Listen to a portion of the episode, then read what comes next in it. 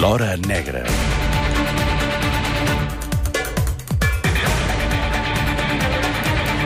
Maica Navarro, bon dia i bona hora. Em falta una mica de vent en aquesta sintonia, ara ho estava Vols pensant. vents? Vols sí, vents? a mi m'agrada molt. Jo vaig ser d'un trombonista Hi i ara mateix vents, pensava, em falten vents. És veritat que no has dormit aquesta nit, Maica?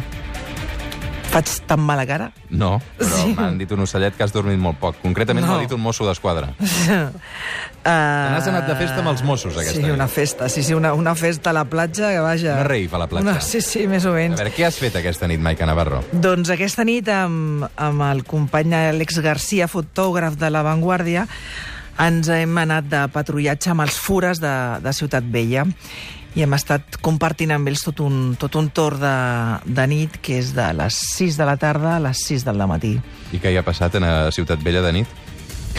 Doncs el que està passant últimament a Ciutat Vella de nit i, i de dia, que és una situació, una situació bastant complexa i complicada, on s'ha de dir que tant la Guàrdia Urbana com els Mossos d'Esquadra es deixen literalment la pell perquè hi ha pocs efectius per patrullar, però molta gent amb moltes ganes de, de robar i de, i delinquir. Bueno, el- els Fures és, un, és una unitat de, de, delinqüència, de delinqüència urbana que van de paisà sempre i que facis una idea, ahir vam caminar a 20 quilòmetres. Què dius ara? Sí, sí, sí, sí.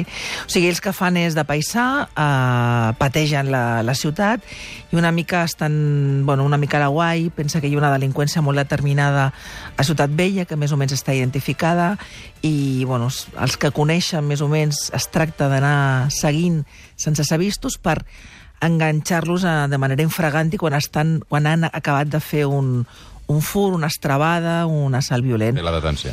I van fer un bastantes, bastantes detencions. Tot i que jo pens... O sigui, ja es veu que ja estem a les acaballs de, de l'estiu i una mica la intensitat era, no era tan potent com, com a l'agost, que ha sigut un agost molt complexa, però d'un i do, d'un i do van fer moltes, moltes detencions i els lectors de La Vanguardia demà podran gaudir d'aquest reportatge que sense dormir per estar aquí amb tu i amb els teus oients, amb els nostres oients escriuré després.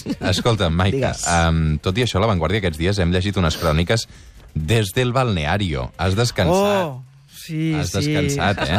perquè no ens ho hem perdut, això, perquè normalment parles d'assassinats, no sé si assassinats famosos també n'hi ha a balnearis. Ostres, uh, no, però ha sigut un plaer... Uh, no sé, això va ser una, una aventura que vaig parlar amb el, amb el cap de la web, amb el Jordi Joan, i res, jo anava una setmana amb un balneari d'Oviedo, a, a les Caldes, bàsicament a, a descansar, a desintoxicar-me, a intentar primar-me, perquè l'ansietat em portava per un camí desbocat de menjar convulsivament, literalment, perquè a més havia sigut un agost complicat per l'aniversari dels, dels atentats i, i tot allò, i, i desconnectar, o sigui, tenir apagat el mòbil tot el dia, en mode avió, eh? i ho vaig aconseguir.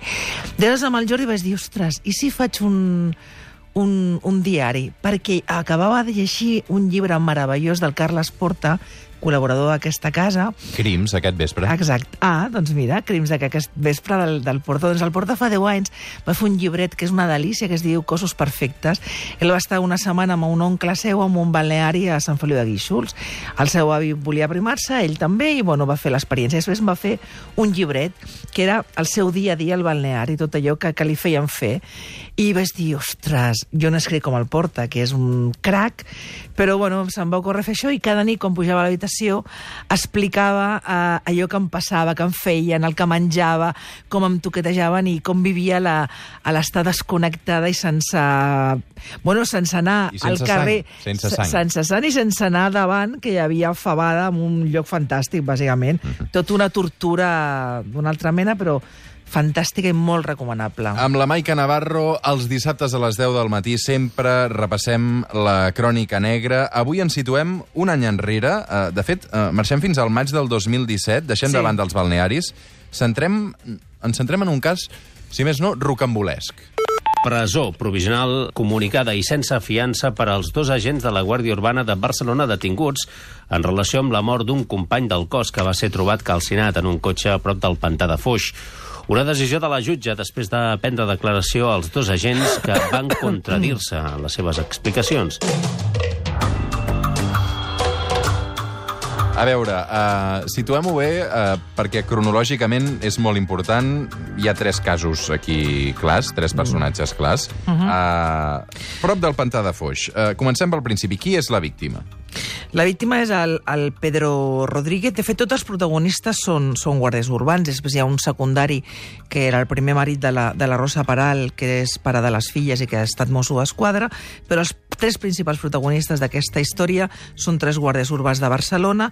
La víctima, el Pedro Rodríguez, és un agent que en aquell moment està, de, està suspès, de, suspès perquè ha protagonitzat un altre incident eh, que s'estava investigant, que és que s'atura amb una identificació amb un motorista a la rebassada, hi ha unes imatges d'una retenció molt violenta i aleshores jo s'estava investigant de manera interna el cos, estava retirat i aquest Pedro Rodríguez tenia una relació sentimental amb una altra guàrdia urbana que era la Rosa Peral, també una, una gent. Doncs bé, eh, el Pedro Rodríguez apareix eh, un dia bueno, les restes del Pedro Rodríguez apareixen a l'interior del seu vehicle que algú pren foc al prop, en un camí petit del, del pantà de Foix.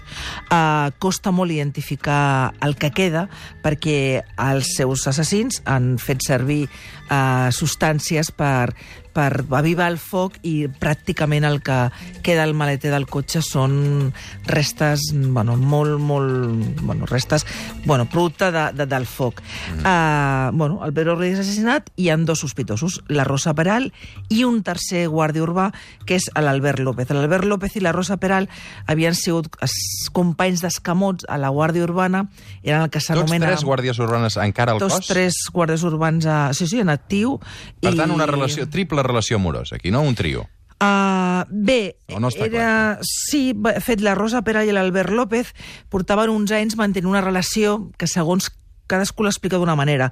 La Rosa Peral assegura que era una relació estable, que, com, a- que tenia moments més actius i menys actius, i l'Albert López assegura que era una relació bàsicament sexual i exclusivament sexual. I el més és important, veritat- era una relació secreta o no era secreta?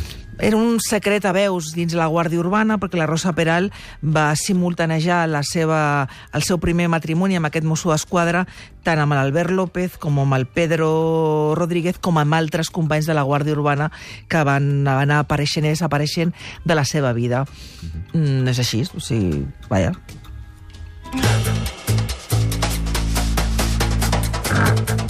Per tant, ens situem 4 de maig del 2017. Un excursionista alerta als Mossos que hi ha un cotxe cremat en una pista forestal prop del pantà de Foix. Ens explicaves que el cos està cremat. Uh, L'aconsegueixen, malgrat tot, identificar. Sí, a més l'identifiquen perquè ell ha patit un accident i porta una placa a l'esquena i ves gràcies a aquesta placa i la seva numeració que aconsegueixen identificar que el Pedro Rodríguez és la víctima i, de fet, és el seu cotxe. Però és que, a més, li van tallar els braços.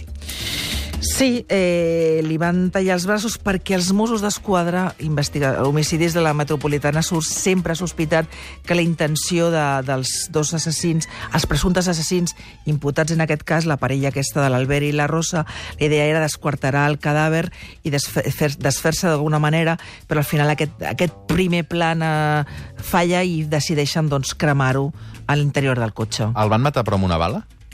No.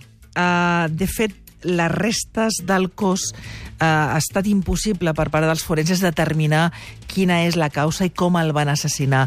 Malgrat tot, els forenses van fer una feina super, molt, molt minuciosa i el que quedava de, de, de, de cos van trobar una lesió al coll que els hi permet aventurar la possibilitat de que fos o colpejat d'una manera molt brusca o, o estrangulat, però bàsicament amb una lesió que segurament seria compatible amb un fort cop, perquè a més a més el Pedro era un home d'una gran envergadura, tots tres, eh? tots tres molt esportistes i molt, molt forts, diguéssim. Um, deu dies després que es trobi aquest cadàver, passa això. Els geolocalitzadors dels mòbils dels detinguts marquen la zona on es va trobar el vehicle del mort. Una de les proves amb què treballen els Mossos d'Esquadra i que apuntaria que haurien estat a prop del pantà de Foix, on es va trobar el cotxe cremat i el cos calcinat.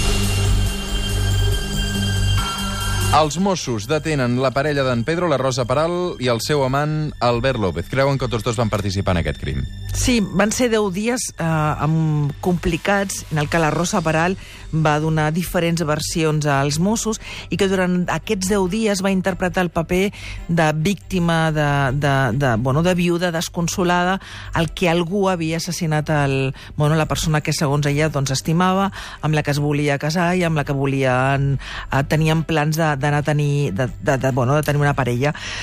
Què passa? Que eh, ella, pels Mossos, sempre va ser... Va, va, tota la seva versió, tota la seva interpretació cap a ells, les diferents versions que va donar, els hi va crear moltes sospites. És veritat que el Pedro Rodríguez tenia enemics, i tenia enemics, però eh, aquell dia havia estat amb ella a la casa i no hi havia cap element que el situés fora.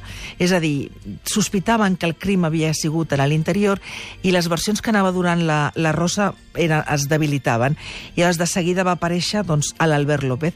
Aquest personatge també guàrdia urbà, també amb altres conflictes dintre la Guàrdia Urbana doncs, vinculats amb actuacions entre cometes conflictives o, mm, vaja, que, que no eren del tot vaja, legals, bueno, sí, legals sí, però vaja, que... Sospitosos. Sospitoses, doncs el posava també en, en el punt de morir. A, a la que la Guàrdia Urbana va començar, a, les Mossos d'Esquadra van començar a interrogar l'entorn de, de la Rosa i del Pedro, van veure doncs, que aquí hi havia molts personatges que estaven ficats en, en el mig. Mm -hmm. Una altra novetat. Els Mossos descobreixen eh, que a la pistola de la Rosa, la pistola reglamentària que tenia, eh, que és a la comissaria de la Guàrdia Urbana, i falta una bala. Normalment en tenen 30, però en van trobar 29. Però això, què? Mm, sí, va ser, un, va ser un element que va sortir a partir de la declaració de... Pensa que per, per, la, per homicidis de Mossos d'Esquadra va desfilar mitja guàrdia urbana que estava o els coneixia o havia tingut alguna relació amb algun dels protagonistes. I és veritat que el cap de la Guàrdia Urbana va explicar això de, de, de, que havíem trobat que faltava una, una bala, però mai s'ha pogut demostrar que, que, el, que la Rosa o l'Albert fessin servir la seva arma reglamentària per, per acabar amb la vida de, del, del Pedro. No, I, de fet, a les càmeres no havia càmeres de seguretat al vestuari on està la taquilla de la Rosa, però tampoc els seus mòbils van, els van situar mai a prop de les taquilles, prop d'allà on guardava l'arma els dies anteriors o posteriors. Per tant, sempre s'ha desvinculat la possibilitat de, de que fes servir l'arma de foc. Però sí que van trobar rastres de sang a la casa on vivien la Rosa i en Pedro, Vilanova i la Geltrú. Sí, eh, va ser en un últim escorcoll de, de fa pocs mesos eh, perquè eh, la Rosa Peral, el seu telèfon mòbil, no, no el va desbloquejar i aleshores els Mossos d'Esquadra van enviar el seu iPhone a la mateixa empresa a Alemanya, que una empresa israelí, que té un, bueno, un, un sistema molt sofisticat per desbloquejar els iPhones. La Guàrdia Civil ja va enviar amb aquesta mateixa empresa el mòbil de la Diana Kerr quan es va trobar al riu es, es, va, es va poder desbloquejar i és que vam trobar a l'interior d'aquest telèfon mòbil. Doncs coses molt interessants. Doncs, primer, que la Rosa Peral en aquell moment no només estava amb el Pedro, del que ella assegura que es volia casar i que era una parella estable, no només eh, tenia una relació puntual, esporàdica amb l'Albert, ha sempre dit que és l'Albert qui mata el Pedro perquè, bueno, perquè l'Albert vol casar-se amb ella i, i tornar a tenir una relació estable, sinó que, a més a més, hi havia un veí al costat amb el que també tenen una relació bueno, doncs, mm, sexual bàsicament, però havien començat a, a ser amants. I aquest, aquesta relació incipient amb el veí del costat doncs es, es revela amb els missatges que intercanvia amb el seu veí doncs, els dies previs o ja amb el Pedro ja mor. I també hi ha una sèrie de fotografies que demostren com a la part de baix de la casa, que els Mossos d'Esquadra situen com l'escenari del crim, hi havia una paret que ha canviat de color i hi havia un sofà que ha desaparegut. Ostres, i aleshores la jutgessa amb els Mossos va dir anem a mirar un altre cop allà baix perquè aquí ha canviat de l'escenari molt ràpidament i ella no ens ha explicat res. I bé, van descobrir que la paret havia estat pintada recentment, els Mossos sospiten que allò possiblement podia estar tacat de sang, van, la científica de Mossos va estar hores traient la primera capa de pintura per trobar restes de sang i entre la, i entre la inspecció ocular molt, molt minuciosa, amb una bombeta del sostre van trobar una resta de sang bueno, doncs, que fa sospitar doncs, que la sang va arribar al sostre que ja podem fer-nos una idea de com va anar la cosa allà sota, i que el sofà segurament se'ns van desfer d'ell, doncs, bueno, perquè era molt, molt, molt complicat eh, doncs, retirar les restes de sant. Realment la descripció de la, de la Maica Navarro és esperpèntica. Um, tenim els dos sospitosos, la Rosa i l'Albert, detinguts. Fan algun tipus de, de confessió? Bé, el que fan és cadascú acusa, acusa l'altre. Els Boníssim, Mossos que això. sospiten que mm, ells dos planifiquen una, una estratègia, una coartada, i fixa't quina és la capacitat de... Jo crec que els Mossos bàsicament la, situen a la Rosa Peral com la, com la líder de, de la trama, no? O sigui, una mica la inductora i la... Fins i tot jo crec que, que autora material, tot i que ara mateix tots dos són responsables per igual. Però mm, ella el que, bueno, el que pacta amb l'Albert és recorda que la Rosa té dos, dos nenes petites amb una relació primera amb un mosso d'esquadra doncs el que fa és agafen el mòbil del Pedro, que ja és mort, i s'apropen amb el mòbil obert fins a la casa on està, on viu el, el primer marit. Amb quina intenció? Bueno, doncs si aproximes el mòbil fins la casa del teu exmarit, bueno, doncs els Mossos podrien determinar per la situació del mòbil que hi havia hagut una proximitat, una cercania. És a dir, intentava vincular l'exmarit amb, amb el que té, havia tingut conflictes per la custòdia, denúncies per, per maltractaments, bueno, en fi, tota una història.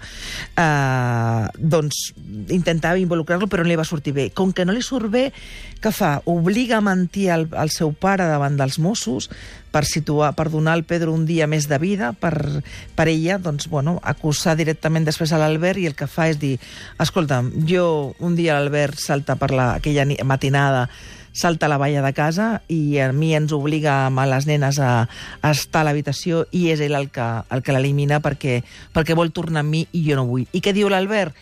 Que ell el truca desesperadament aquell dia i que, és, i que ell l'estima, que és la seva amiga amb la que té una relació des de fa molt de temps i que quan arriba a la casa el Pedro ja està mort i que bàsicament l'ajuda a desfer-se del cadàver. Tots dos reconeixen que han ajudat a l'altre a desfer-se del cadàver, però un acusa l'altre de ser l'autor material del crim. Què ha dit la jutgessa en el seu últim escrit? Escolteu, tots dos sou autors materials, tots dos vau ajudar, us vau ajudar i juntament us vau desfer del cadàver i, per tant, a tots dos us acuso de manera igual de, de l'assassinat del, del Pedro Rodríguez.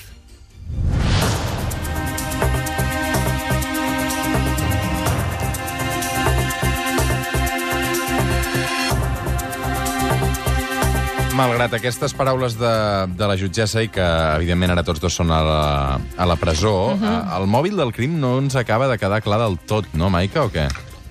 Mm, a veure, eh, es podria... És veritat que mm, els companys, eh, els companys de successos que més han portat aquest cas, i ara m'estic recordant, per exemple, el Toni Muñoz a, a La Vanguardia, eh, quan es fan les te quan s'escriu, o, o el Carles Quilet també, en els, a Crònica Global abans, i ara Llibertat Digital, o, o tots els que hem escrit de, del, crim, de, del crim de la Guàrdia Urbana, es parla d'un triangle amorós, o sigui, hi ha una parella que vol estar junta hi ha un tercer personatge que s'obre i la- l'elimino. També és cert que els investigadors des del primer moment sempre van pensar el Pedro i la Rosa tenien una relació sentimental molt convulsa, d'aquestes molt insanes. Avui t'estimo i ets l'home de la meva vida i demà t'ho diu i no et vull veure. Amb molta intensitat, amb aquests escrits de jo, llibres amb unes dedicatòries molt intenses, sense tu no puc viure, i tant avui estaven a dalt de tot i el demà estaven a sota de tot. De fet, aquest cap de setmana, i és un dels elements que la Rosa fa servir per esculpar-se del crim, havien sigut un cap de setmana que havien estat amb els pares de la Rosa, netejant un tros de ter d'un hort que tenien a les afores de, de Vilanova, amb un pare, amb les nenes, fotografies, i una família feliç, que volta, o sigui, plena i a la felicitat absoluta. Per què hores després passa el que passa? Bueno, doncs uh, hi ha un moment que els Mossos no descarten que la Rosa i el Pedro tinguessin una baralla aquella nit i bé, i amb un final bueno, violent i fatídic. Uh -huh.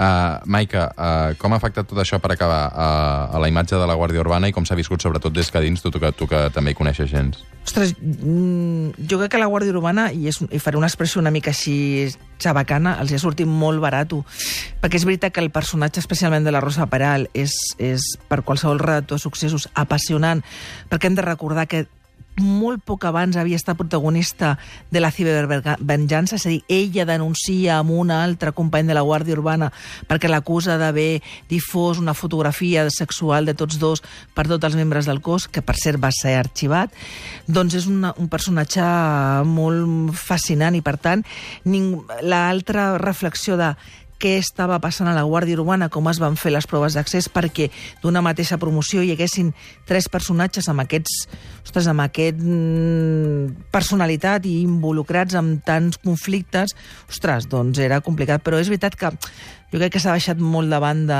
el qüestionar la Guàrdia Urbana o no, eh, però, però i que tot s'ha centrat bàsicament en aquests tres personatges. I, bueno, especialment en els dos que estan a presó, perquè la, lamentablement el, el Pedro, el Pedro doncs, doncs és mort. Mm -hmm. Maica Navarro, vés a dormir una estona. M'espera l'Olivia, no, no puc. Vinga, va, gràcies per tot. Dissabte que ve a les 10 ens trobem. Vale. Fem una pausa i 10 anys de Lehman Brothers. Aniversari, bufarem espelmes i tot. Fins ara.